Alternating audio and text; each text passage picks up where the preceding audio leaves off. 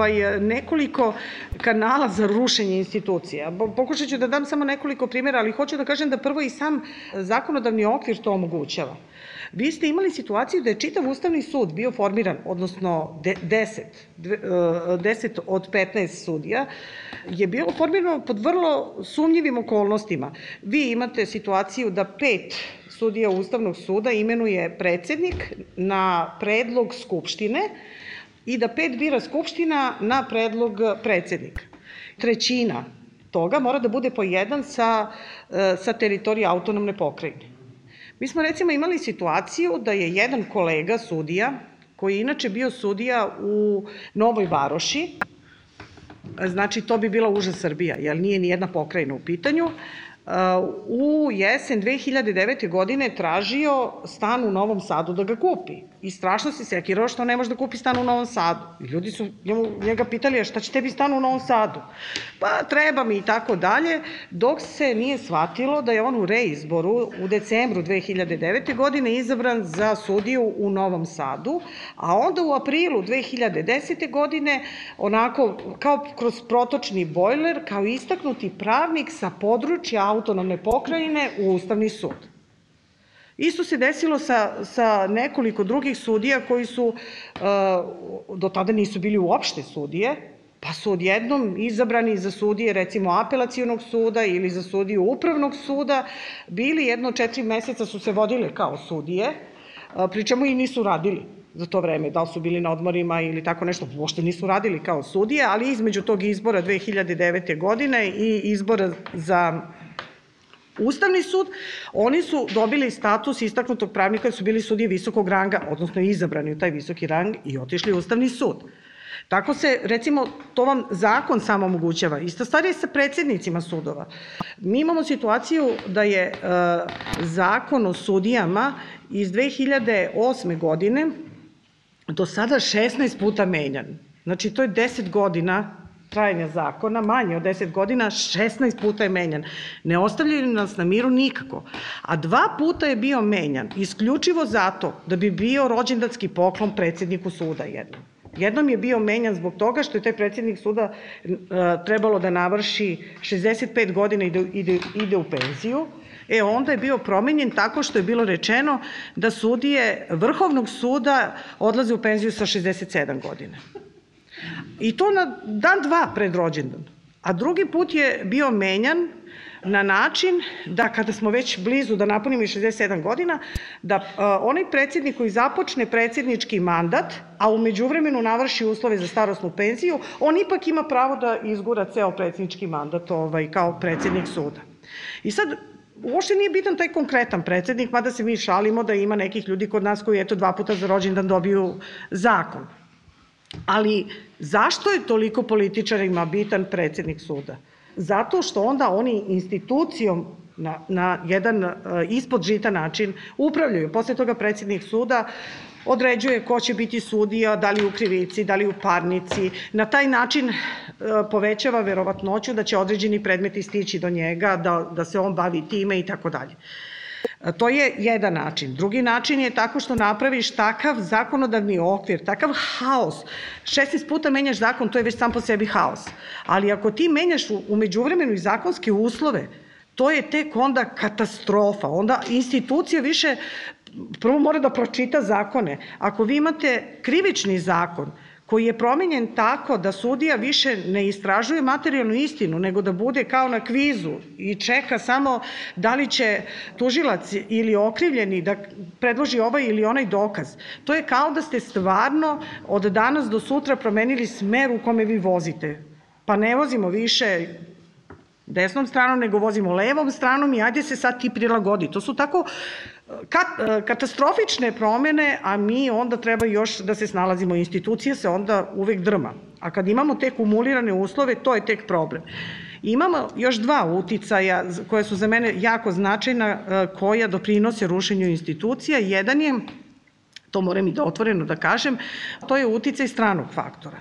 Znači, mi smo nažalost u situaciji da Evropska unija kojoj mi težimo i sa kojom pregovaramo i koja u krajnjoj liniji postavlja i uslove, ona sama svojim bazičnim principima trguje zarad nekih drugih neposrednih koristi koje očekuje. Tako je jedno vreme trgovala pre 7-8 godina i 6 i upravila ustupke našim vlastima u toj reformi koja se kasnije pokazala kao zaista loša i promašaj, jer je očekivala da svi haški optuženici budu ovaj, izručeni Hagu, a sada ima jedan drugi e, neposredni cilj i onda zbog toga e, pravi ustupke kao što su recimo napravljeni umeđu uvremenu između ovog nacrta mišljenja Venecijanske komisije i finalnog mišljenja, a sve zarad jel, rešenja konačnog e, tog pravno obvezujućeg sporazuma.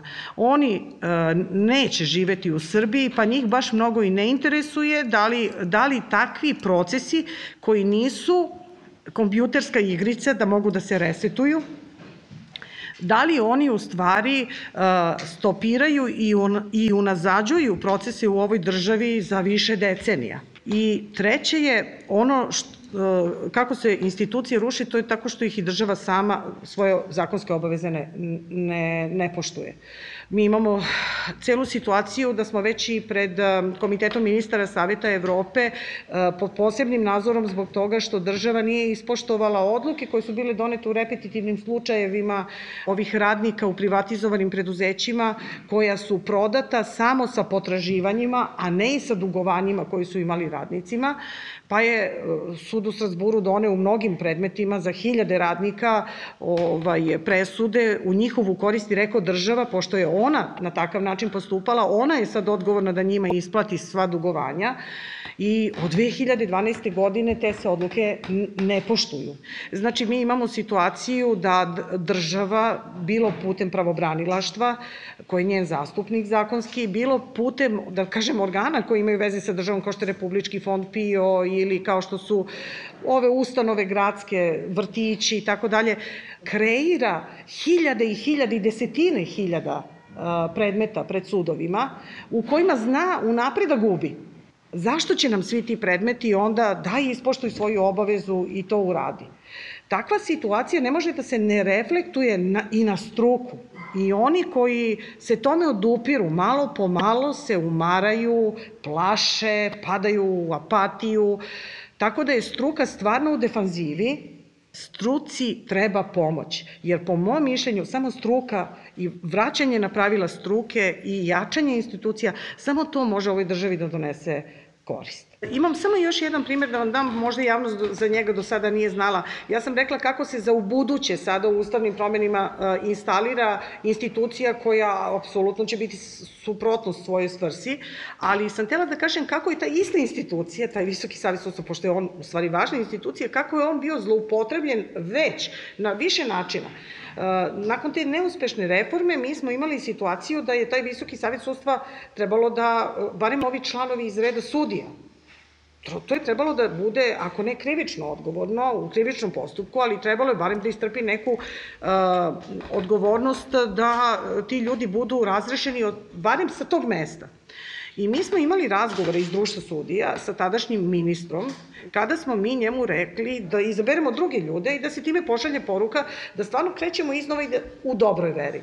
A on je rekao, ne, ne, meni se jako žuri, treba da izaberemo, da vratimo ove sudije koje su razrešene, pa tu je treba vremena. Mi smo rekli, pa ne treba vam vremena, to je tri meseca, kud smo tri godine čekali, čekat ćemo i tri meseca. A on je rekao, ne, ja imam, kaže, pet ostavki njihovih u džepu i oni će biti mirni ko bubice i uradit će sve što im ja kažem. I mi smo rekli, pa čekajte, nemojte to da radite. Iskoristite u ostalom te ostavke, nek oni odu, raspišite izbore i da onda krenemo iznova. On to naravno nije uradio. A posle toga su ti, stvarno mirni kao bubice, su bili taoci, doneli, zajedno sa njim predložili nacionalnu strategiju reforme sudstva, izabrali sve predsednike, vratili sve sudije i time kompromitovali čitav novi postupak. Kada je reč o sektoru bezbednosti, vidljivo je, kao i ostalom što je bilo i u vreme svih prethodnih nazovimo ih ili manje ili više opravdano demokratskim vlastima 2000. godine, 2000. godine ikak, odsustvo ikakve zamisli o reformi sektora bezbednosti i reformi državnih aparata sile, pre svega njih, odatle se može samo govoriti o reorganizaciji, a ne reformi. Tu su stalno bili svedoci preimenovanja, ajmo sad da formiramo, rasformiramo i tako dalje, ali suštinski nikad nije došlo do reforme, što je normalno, nikad nije izveden saldo. Jer da biste vi napravili reforme, morate da utvrdite šta su radile ta vojska i te službe u ratovima u bivšoj Jugoslaviji, u održavanju autoritarnih režima, pa biste morali posle toga, ako hoćete, na primjer, 2012. ili 2008. da isto krenete u reformu, da povučete tu crtu, pa da vidimo kako su to službe bezbednosti, delovi službi, delovi aparata državne prinude učestvovali u javnom streljanju predsednika vlade, kako su bili podatni zloupotrebama i tako dalje i tako dalje. Te prema tome ovde nema ničega novog, ničega e, ni teorijski, ni empirijski, ovde su samo promenjeni likovi i na delu je izvođenje krajnjih konsekvenci. Te prema tome mi smo sada svedoci izvođenja tih krajnjih konsekvencija, ali da zaboravimo, e, demokratske vlasti, opet uz onu ogradu, e, su bar pokušavale da fingiraju promene. Te prema tome mnogi e, standardi su usvojeni, počeši od osnivanja nezavisnih državnih institucija, počeši od uvođenja, uzmite zakon o službama bezbednosti 2002. godine, pa ćete vidjeti da su tu bili postavljeni visoki demokratski standardi. Sada smo svedoci da se sve to napušta i ukida. I odatle imamo s jedne strane e, e, neprestano, e, jer šta je preduslov da biste vi mogli zamaskirati, da biste doveli do toga da policiju, vojsku i službe bezbednosti pretvorite u lične službe, odnosno pretorijansku gardu, koja ima zadatak pre svega da štiti velikog vođu, pa onda i njegove doglavnike, vi morate stalno emitovati i održavati atmosferu straha. Te prema tome uslovima straha Vi e, sklanjate pažnju javnosti sa tih procesa. Strategija nacionalne bezbednosti prvo je radi ministarstvo odbrane, što je nonsens. Drugo, i tu se daje vreme za raspravu od 15. čini mi se javnu, navodnu javnu raspravu. Zakoni se ili promene u zakonima se takođe usvajaju bez ozbiljne javne rasprave. Tim zakonima šta se hoće? Hoće se pre svega povećati diskreciona moć ministara, odnosno nadležnih civilnih nalogodavaca e, državnim aparatima sile. I zato, znate, neredko i medija i e, mnogi ljudi koji misle da su od struke, kada govore o odgovornosti, misle na odgovornost generala, policajaca, tajno službujućih agenata, što da kako nije sporno, ali ključna je odgovornost civilnih nalogodavaca. Te prema tome ministar odbrane, ministar unutrašnjih poslova, E, šef, direktor e, Bezbednostne informativne agencije. Ovim promenama i dopunama zakona o odbrani, vojsci, službama i policiji u suštini su uvećane njihove moći, između ostalog i da mogu da menjaju kadrovski sastav, personalnu sliku, personalni sastav aparata kojima su nadređeni. Time se otvara mogućnost za klijentelizam. Jer šta je klijentelizam? Partija, odnosno veliki gazda, čitav sistem tako postrojava i e, nalazi načine da zaposli svoje izvršioce. Time što ministar postaje sve i svja, sada samo ozvaničan, on je i pre toga to u suštini e, bio, podsjetit ću na, na sukob Ponoša i Šutanovca kada je predsednik države umesto da podrži pravo načelnika generalštaba podrža Šutanovca svog kuma, doduše ovoga Pašenoga pustio niz, e, niz vodu, Ovde imate takođe crno-belu varijantu koja se crno-beli način razmišljanja, koji se pakuju patriotske i ostale oblande, a u suštini proizvodi iste posledice. Vi dobijate poslušnike koji su spremni na zahtev svog pretpostavljene ili e, e višeg pretpostavljena da izvrše sve. Tipičan primer afera e, e, helikopter u kojoj je poginulo sedmoro ljudi, a da niko ni komandant vazduhoplovstva, ni komandant brigade, da ne govorim načelnik generalštaba, nije našao za potrebno, a to mu je obaveza, da spreči u ime profesionalne autonomije, u ime poštovanja procedura, zakona, da odbaci takvo naređenje, da ne govorimo Sava Mali, gde takođe pripadnici ili delovi e, policije i ostali pristaju, prihvataju, igraju, tu je odmah i sudstvo, tu je tužilaštvo i svi ostali koji e, učestvuju u takvoj vrsti igre. Odatle, ovde nema ni reči o reformi, ovde je reč o tome da se vraća ponovo partijski model vojske, policije i službe bezbednosti. To je i razlog što veliki vođa bira svoje prve čauše, njemu poverljive ili on misli, on ih smatra svojim što kumovima, što prijateljima, već kako ih kada e, imenuje i njih je postavio na ta mesta, računajući da su oni sposobni da mu isporuče poslušnost i lojalnost, jer suština priča je u tome. Ako uspeva da isporuči lojalnost, direktor bije, odnosno svaki od pomenutih, dobija punu autonomiju u svom resoru. Te prema tome može da radi šta hoće, da penzioniše koga hoće, da deli stanove, da sada videli smo ministar odbrane ponovo hoće vojsku da pretvori u proizvodnu organizaciju, pa sada vojska priča o investicijama, pa ulaganjima, pa znate, nešto što e, nigde ne ima, normalno, ima u Egiptu je vojska glavna privredna E, glavni privredni akter i ima takvih zemalja, ali ovde smo računali da je to vreme prošlo. Te prema tome, e, e, zarobljena država u sektoru bezbednosti se iskazuje ili njena krajnja konsekvenca jeste manjak bezbednosti građana, odnosno ukinuta bezbednost građana i zato se vraćam toj, tom nalazu da bezbednost građana Srbije pre svega ugrožena iznutra. Nije loše da se time pozabavimo, da se pitamo da li ste ove promene o kojima sam govorio u sektoru bezbednosti, podjarmljivanje državnih aparata sile i privođenje partijskih i ličnim potrebama mogu perspektivno da rezultiraju njihovom zloupotrebom protiv građana. Ne zaboravimo da je Milošević 99. i 2005. oktobra hteo da pošalje i naredio upotrebu vojske, policije i svih ostalih.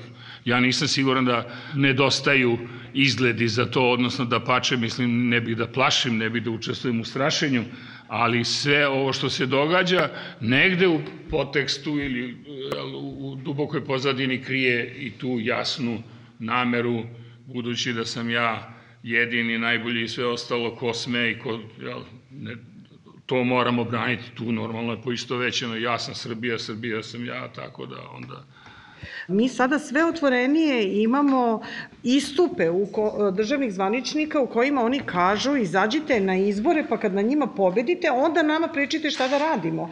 Dakle, oni smatraju da pobedom na izborima su stekli pravo da uređuju i kontrolišu sve državne vlasti, time brišu to načelo podele vlasti i vraćaju nas na sistem jedinstva vlasti ne, ne bi verovali, neću da trošim baš vremena, kako živopisne načine, dakle, izostaje ta odgovornost. Od, po pravilu, najčešće nastupanja zastralosti, evo i jutro sam dobio jedno obaveštenje da me tužilac obaveštava da je moja krivična prijava, by the way, podneta predno 8 godina, umeđu vremena zastarila. Znam i ja, naravno, morala je jednom da zastari. Ali čak i dok fenomenalni, dakle, ja sam, ja sam imao presud jednog srpskog suda, koji je, Bože moj, oslobodio jednog državnog funkcionera, dakle, jednog službenika, plaćeno lice, rukodjac jedne državne službe, koji je javno objavio jednu zbirku podataka o ličnosti koju nije smeo da objavi, sud ga oslobodio, znate zbog čega? Zato što je bio u pravnoj zabludi. Čovek koji je državni funkcioner, čiji je posao da primenjuje pravo, eto, Bože moj, nije znao pravo, pa je mislio da treba da radi nešto drugačije. To je bez presedana. To je bukvalno karikatura. I sad, ta priča koju je Dragana spomenula jeste, pobedite vi na izborima, pa radite šta god hoćete. Pa ne pobeđuje se na izborima da bi se radilo šta god hoće.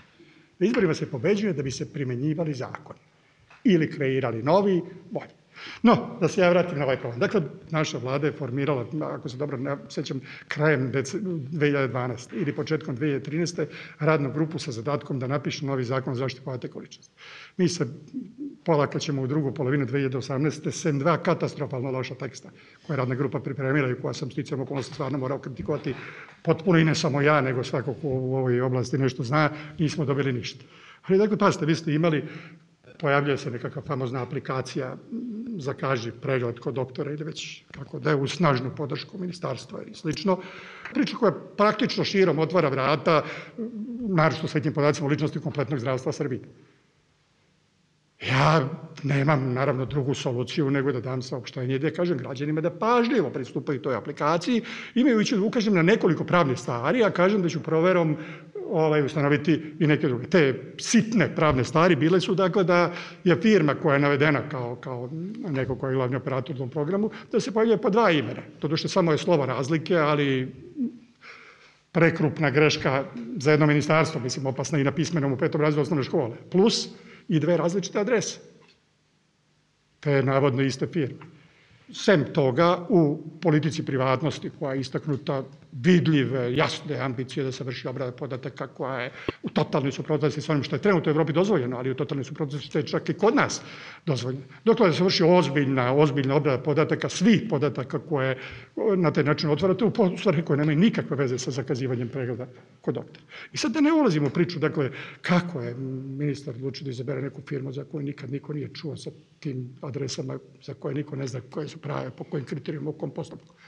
Ali reakcija je, dakle, vidite, reakcija je žestok napad na poverenika i to je emisija, dakle, ministar gostuje u dnevniku, poverenik naravno ne gostuje bar s ministrom, pa da se tamo posleđamo ljudi, jel, da se objasni. Ne, ne, samo ministar, tu ministar se obraća vojitelju RTS-a, da, ja ništa ne razumem Čavića, ni vi ga ne razumete, spikerka naravno klima glavom, ni ona ništa ne razume i to je krunski dokaz da je sve u redu.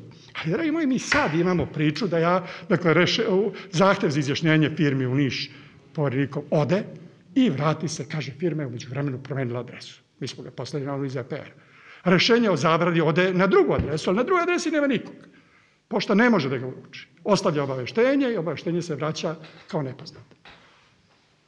Politika privatnosti, koja je bukvalno šokantna, među vremenu je nestala sa interneta. Sad nemamo nikakvu politiku privatnosti, što je samo po sebi dovoljno da zabranite bilo kakvu obradu u bilo kojoj uređenoj zemlji. Ali ovaj, nemamo više ni adresu prema toj firmi, sad imamo adresu prema ministarstvu.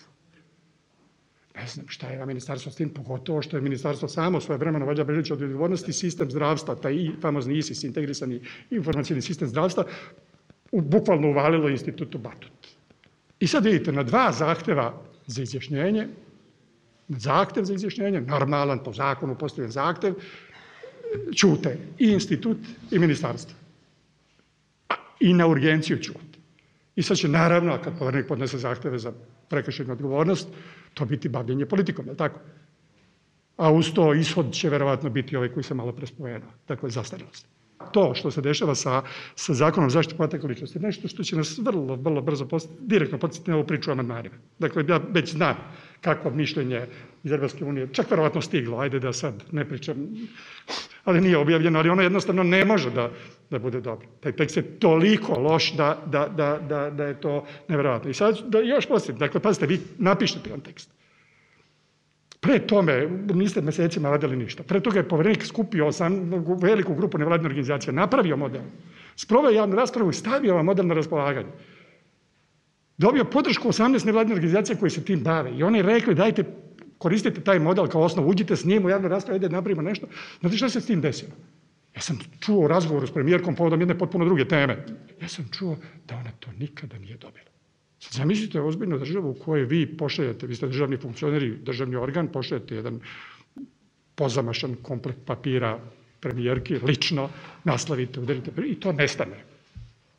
Kako možda nestane? Pa smo ponovili dostavljanje, pa sam dobio pismo premijerke, dakle, da, će, da su se konsultovali, da zaključili da je to vrlo koristan doprinos, da će ta rešenja biti korisno i da su ta rešenja prosleđena onoj istoj radnoj grupi koja pet godina nije uradila.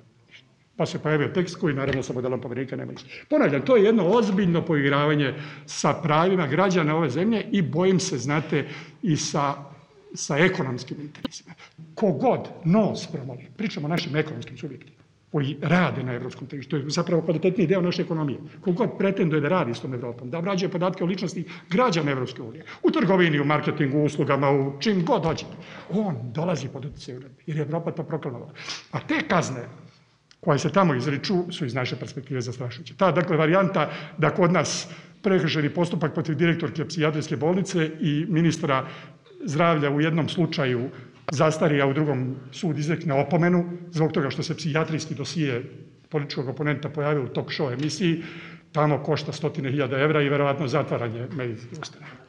Miroslav je rekao da, da nikada ne dolazi do reformi zapravo u, u, u oblastima o kojima su oni govorili i takođe je rekao da se stalno plasiraju nove teme. Ta ideja o radnoj grupi za borbu protiv lažnih vesti u državi Srbiji je naročito bizarna jer imam nekako utisak, a čini mi se da dobar deo nas to deli, da ova vlast zapravo živi, opstaje na lažnim vestima. I proizvodi ih. I proizvodi ih, ali ona zapravo izbore do dobija na lažnim vestima. Ona živi na lažnim vestima. Svaki nastup državnih funkcionera je na neki način lažna vest, zato što predstavlja manipulaciju nekakvom statistikom, izostavljanje činjenica koje bi mogle da utiču na stav građana i građanki i to sve spada u definiciju lažnih vesti. Dakle, ta i takva vlast iz organa koji uopšte nije nadležan za priču o medijima.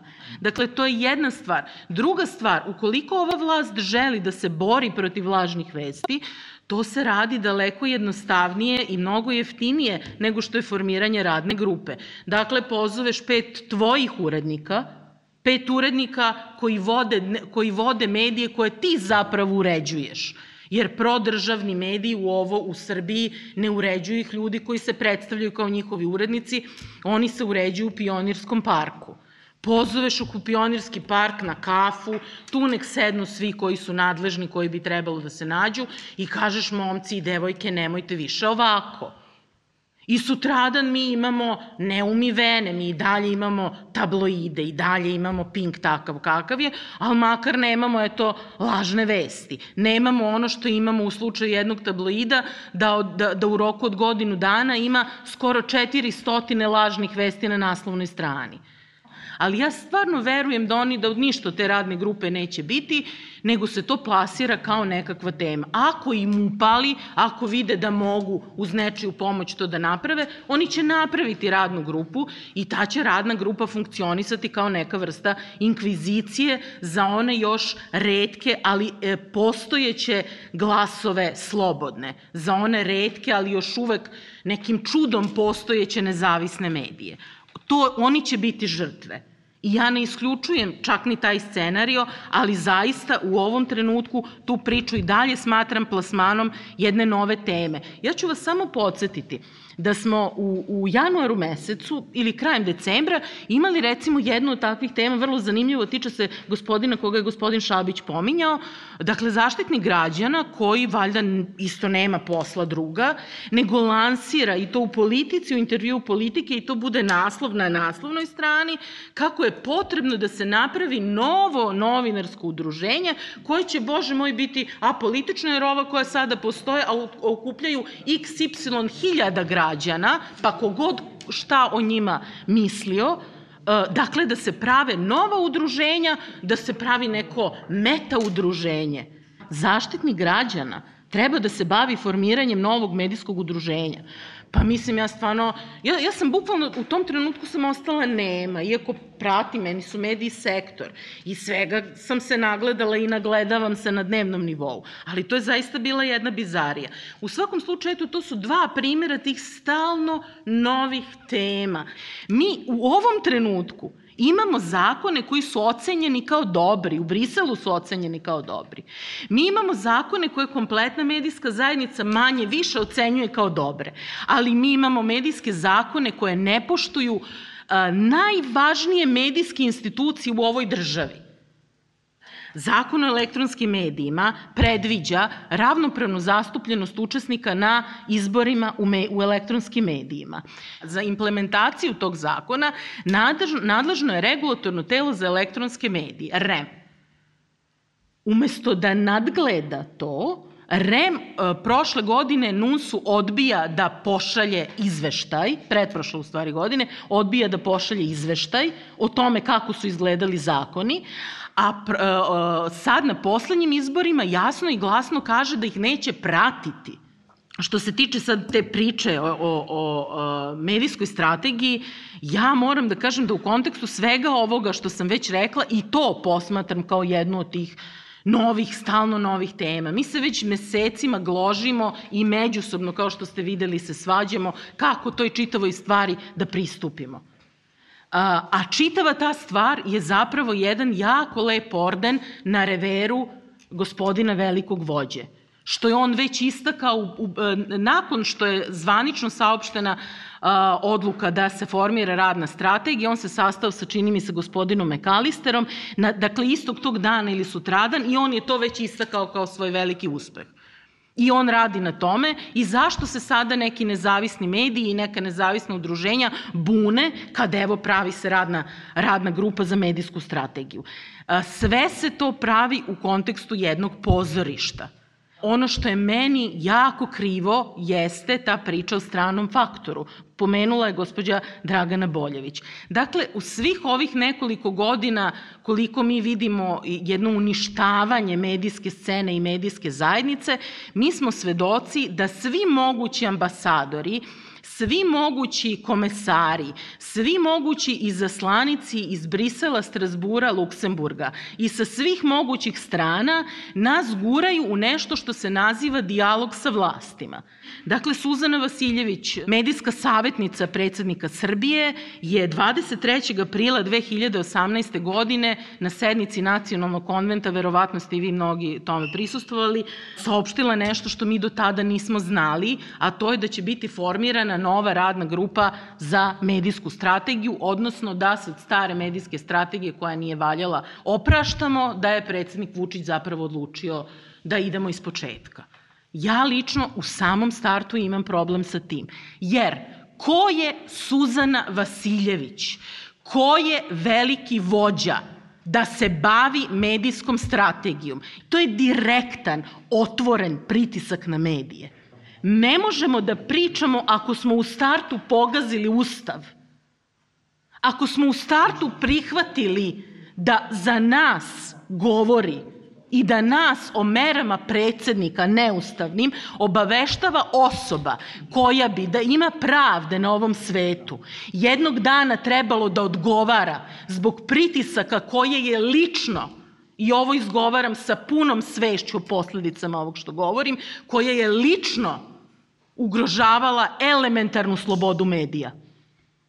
I sada ta osoba, dakle, egzekutor medija, dolazi da meni kao novinarki kaže, e, pravimo novu radnu grupu i sad ja treba da zažmurim na ustav, da zažmurim na sve, kažem, bravo, svaka čast.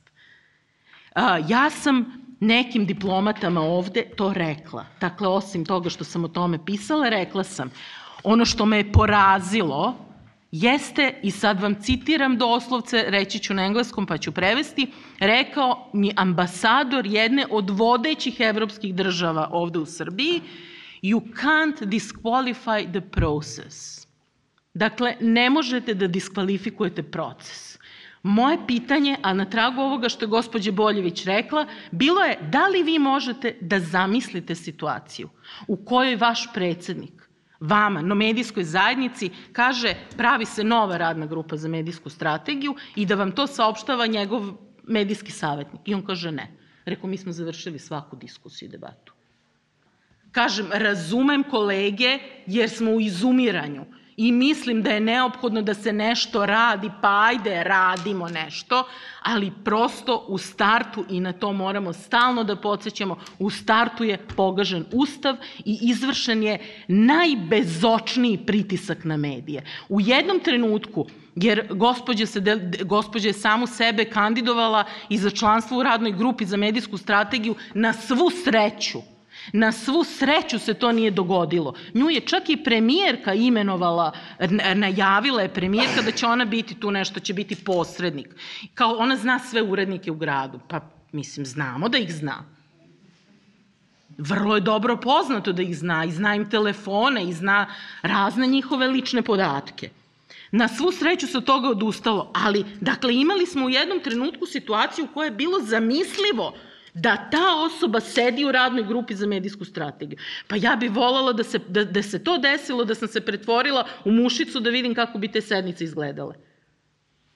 Ali na svu sreću, kažem da ne bude sad da ja širim lažne vesti, dakle, gospođa neće biti članica radne grupe za medijsku strategiju, ja to pozdravljam i sa ovog mesta. Iako je e, stajao zahtev, nesumnjivo recimo za pravosuđe, da ono mora biti depolitizovano i, i to je bio razlog zbog čega smo krenuli u izmenu Ustava, mi smo praktično na terenu da se zalažemo da se ovaj Ustav E, što manje upropašćava. Odnosno da se sadašnji položaj pravosuđa po ovom ustavu što manje upropašćava. U stvari, mi zaključujemo da bi, imajući u vidu sad ove amandmane, jednostavno samo trebalo da kažemo nemoj ništa da menjate. Baš ovako treba treba da ostane i bolje ćemo se snaći nego inače, da, ne, nego ako menjate. To je zaista, to nije preterivanje, baš je tako realno i moram da kažem da je ovaj, Znamo svi, notorno i mi se slažemo u tome da će nam biti gore ako se ovi trendovi nastave. Ja se opet vraćam na ono pomozite struki, struci. I moram da kažem u ovom trenutku mi imamo situaciju da je ovaj loš proces koji se oko ustavnih amandmana dešavao ipak doneo dve izvanredne stvari koje nisu zabeležene u našoj istoriji. Jedan je da je celokupna struka u stvari se ujedinila u e, u jedinstvenom stavu da, da amandmani ne valjaju. A kad kažem struka, ja to moram da ponavljam, jer ja to više puta kažem, ali nekako to ne dopire posle toga u medijima do javnosti, to nisu samo strukovno udruženje, to su i pravosudne institucije, to je i znatan deo advokature, to je, e, da ne zaboravimo, ne stavljam na zadnje mesto, nego baš zato što je izuzetno važno, to je profesura. Ne postoji jedan profesor koji je izašao, ne koji drži do sebe, nego bilo koji koji je izašao javno i rekao ne, ne, ovo je dobro. Ne postoji. To je jedna pozitivna stvar koja se desila, da cela pravnička struka u Srbiji kaže ovo ne valja.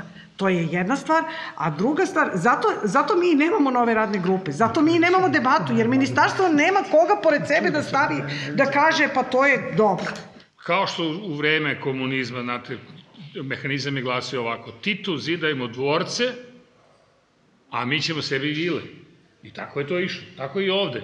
Njemu vrho, titula vrhovnog komandanta, njemu neograničene mogućnosti da proizvoljno, svojevoljno i kako god hoće e, govori, radi i upotrebljava. U istoj toj meri koja raste njegova nekontrolisana moć, raste i nekontrolisana moć ovih ispod njega. Na to treba dodati, u službama bezbednosti, u vojsi postoje uvek delovi oficirskog ili kako hoćete visoko službujućeg kora koji imaju interes, koji nikad nisu prihvatili da neko treba da kontroliše njihov rad, da oni treba da odgovaraju pred nekim i za nešto. Iluzija koju ima veliki vođa, strateg, komandant i sve ostalo, e, o svemoći je u suštini iluzija. Moć prava i dalje je u institucijama. Te prema tome, ni on ne može, kao što ni Milošević, E, koji nam je delovao još žešćim autokratom i mislilo se da je nedodirljiv, nije mogao da bude siguran da će državni aparati njega zaštititi, kao što su i uradili kad su procenili da im je korist, odnosno šteta veća od potencijalne koristi, oni su digli ruke od njega. I samo da navedem jedan kratak primer, što kaže Rodoljub, i danas se pojavio, danas tekst imate o izveštaju Britanskog parlamenta o učešću u službi e, britanskih u torturi tokom od 2001. od 9-11 pa na ovamo. E, koliko god nam mi bili svedoci derogiranja demokratije, da ne kažem napuštanja, demokratija je danas najviše ugrožena u svojoj matici, tamo gde je i nastala, ali tamo ipak parlament izašao, napravio analizu i rekao naše službe su učestvovale u zlo i traži odgovornost. Podsjetit ću ili daću kontraprimer. U policiji Srbije ima koliko, otišao je Saša, 20 i nešto, čini mi se, sindikata različitih. Neki od onih koji se smatraju reprezentativni stalno su prisutni ili su bili do skora prisutni i teme su im standard, zaštita njihovih prava, dnevnica i tako dalje. Nikad nismo čuli, a stigo je izveštaj o torturama, ovde, da je ikad jedan policijski sindikat, da ne govorim vojni sindikat ili ostali, da je se pozabavio time, da je protestovao zbog zloupotrebe sile, zbog kršenja ljudskih prava, zakona e, i tako da da pače sve smo toga, sada vojna policija dobija još dodatne nadležnosti, sad ona može da izređe izvan kasarni kao u Šutanovčevo vreme da hapsi, bije i sve ostalo.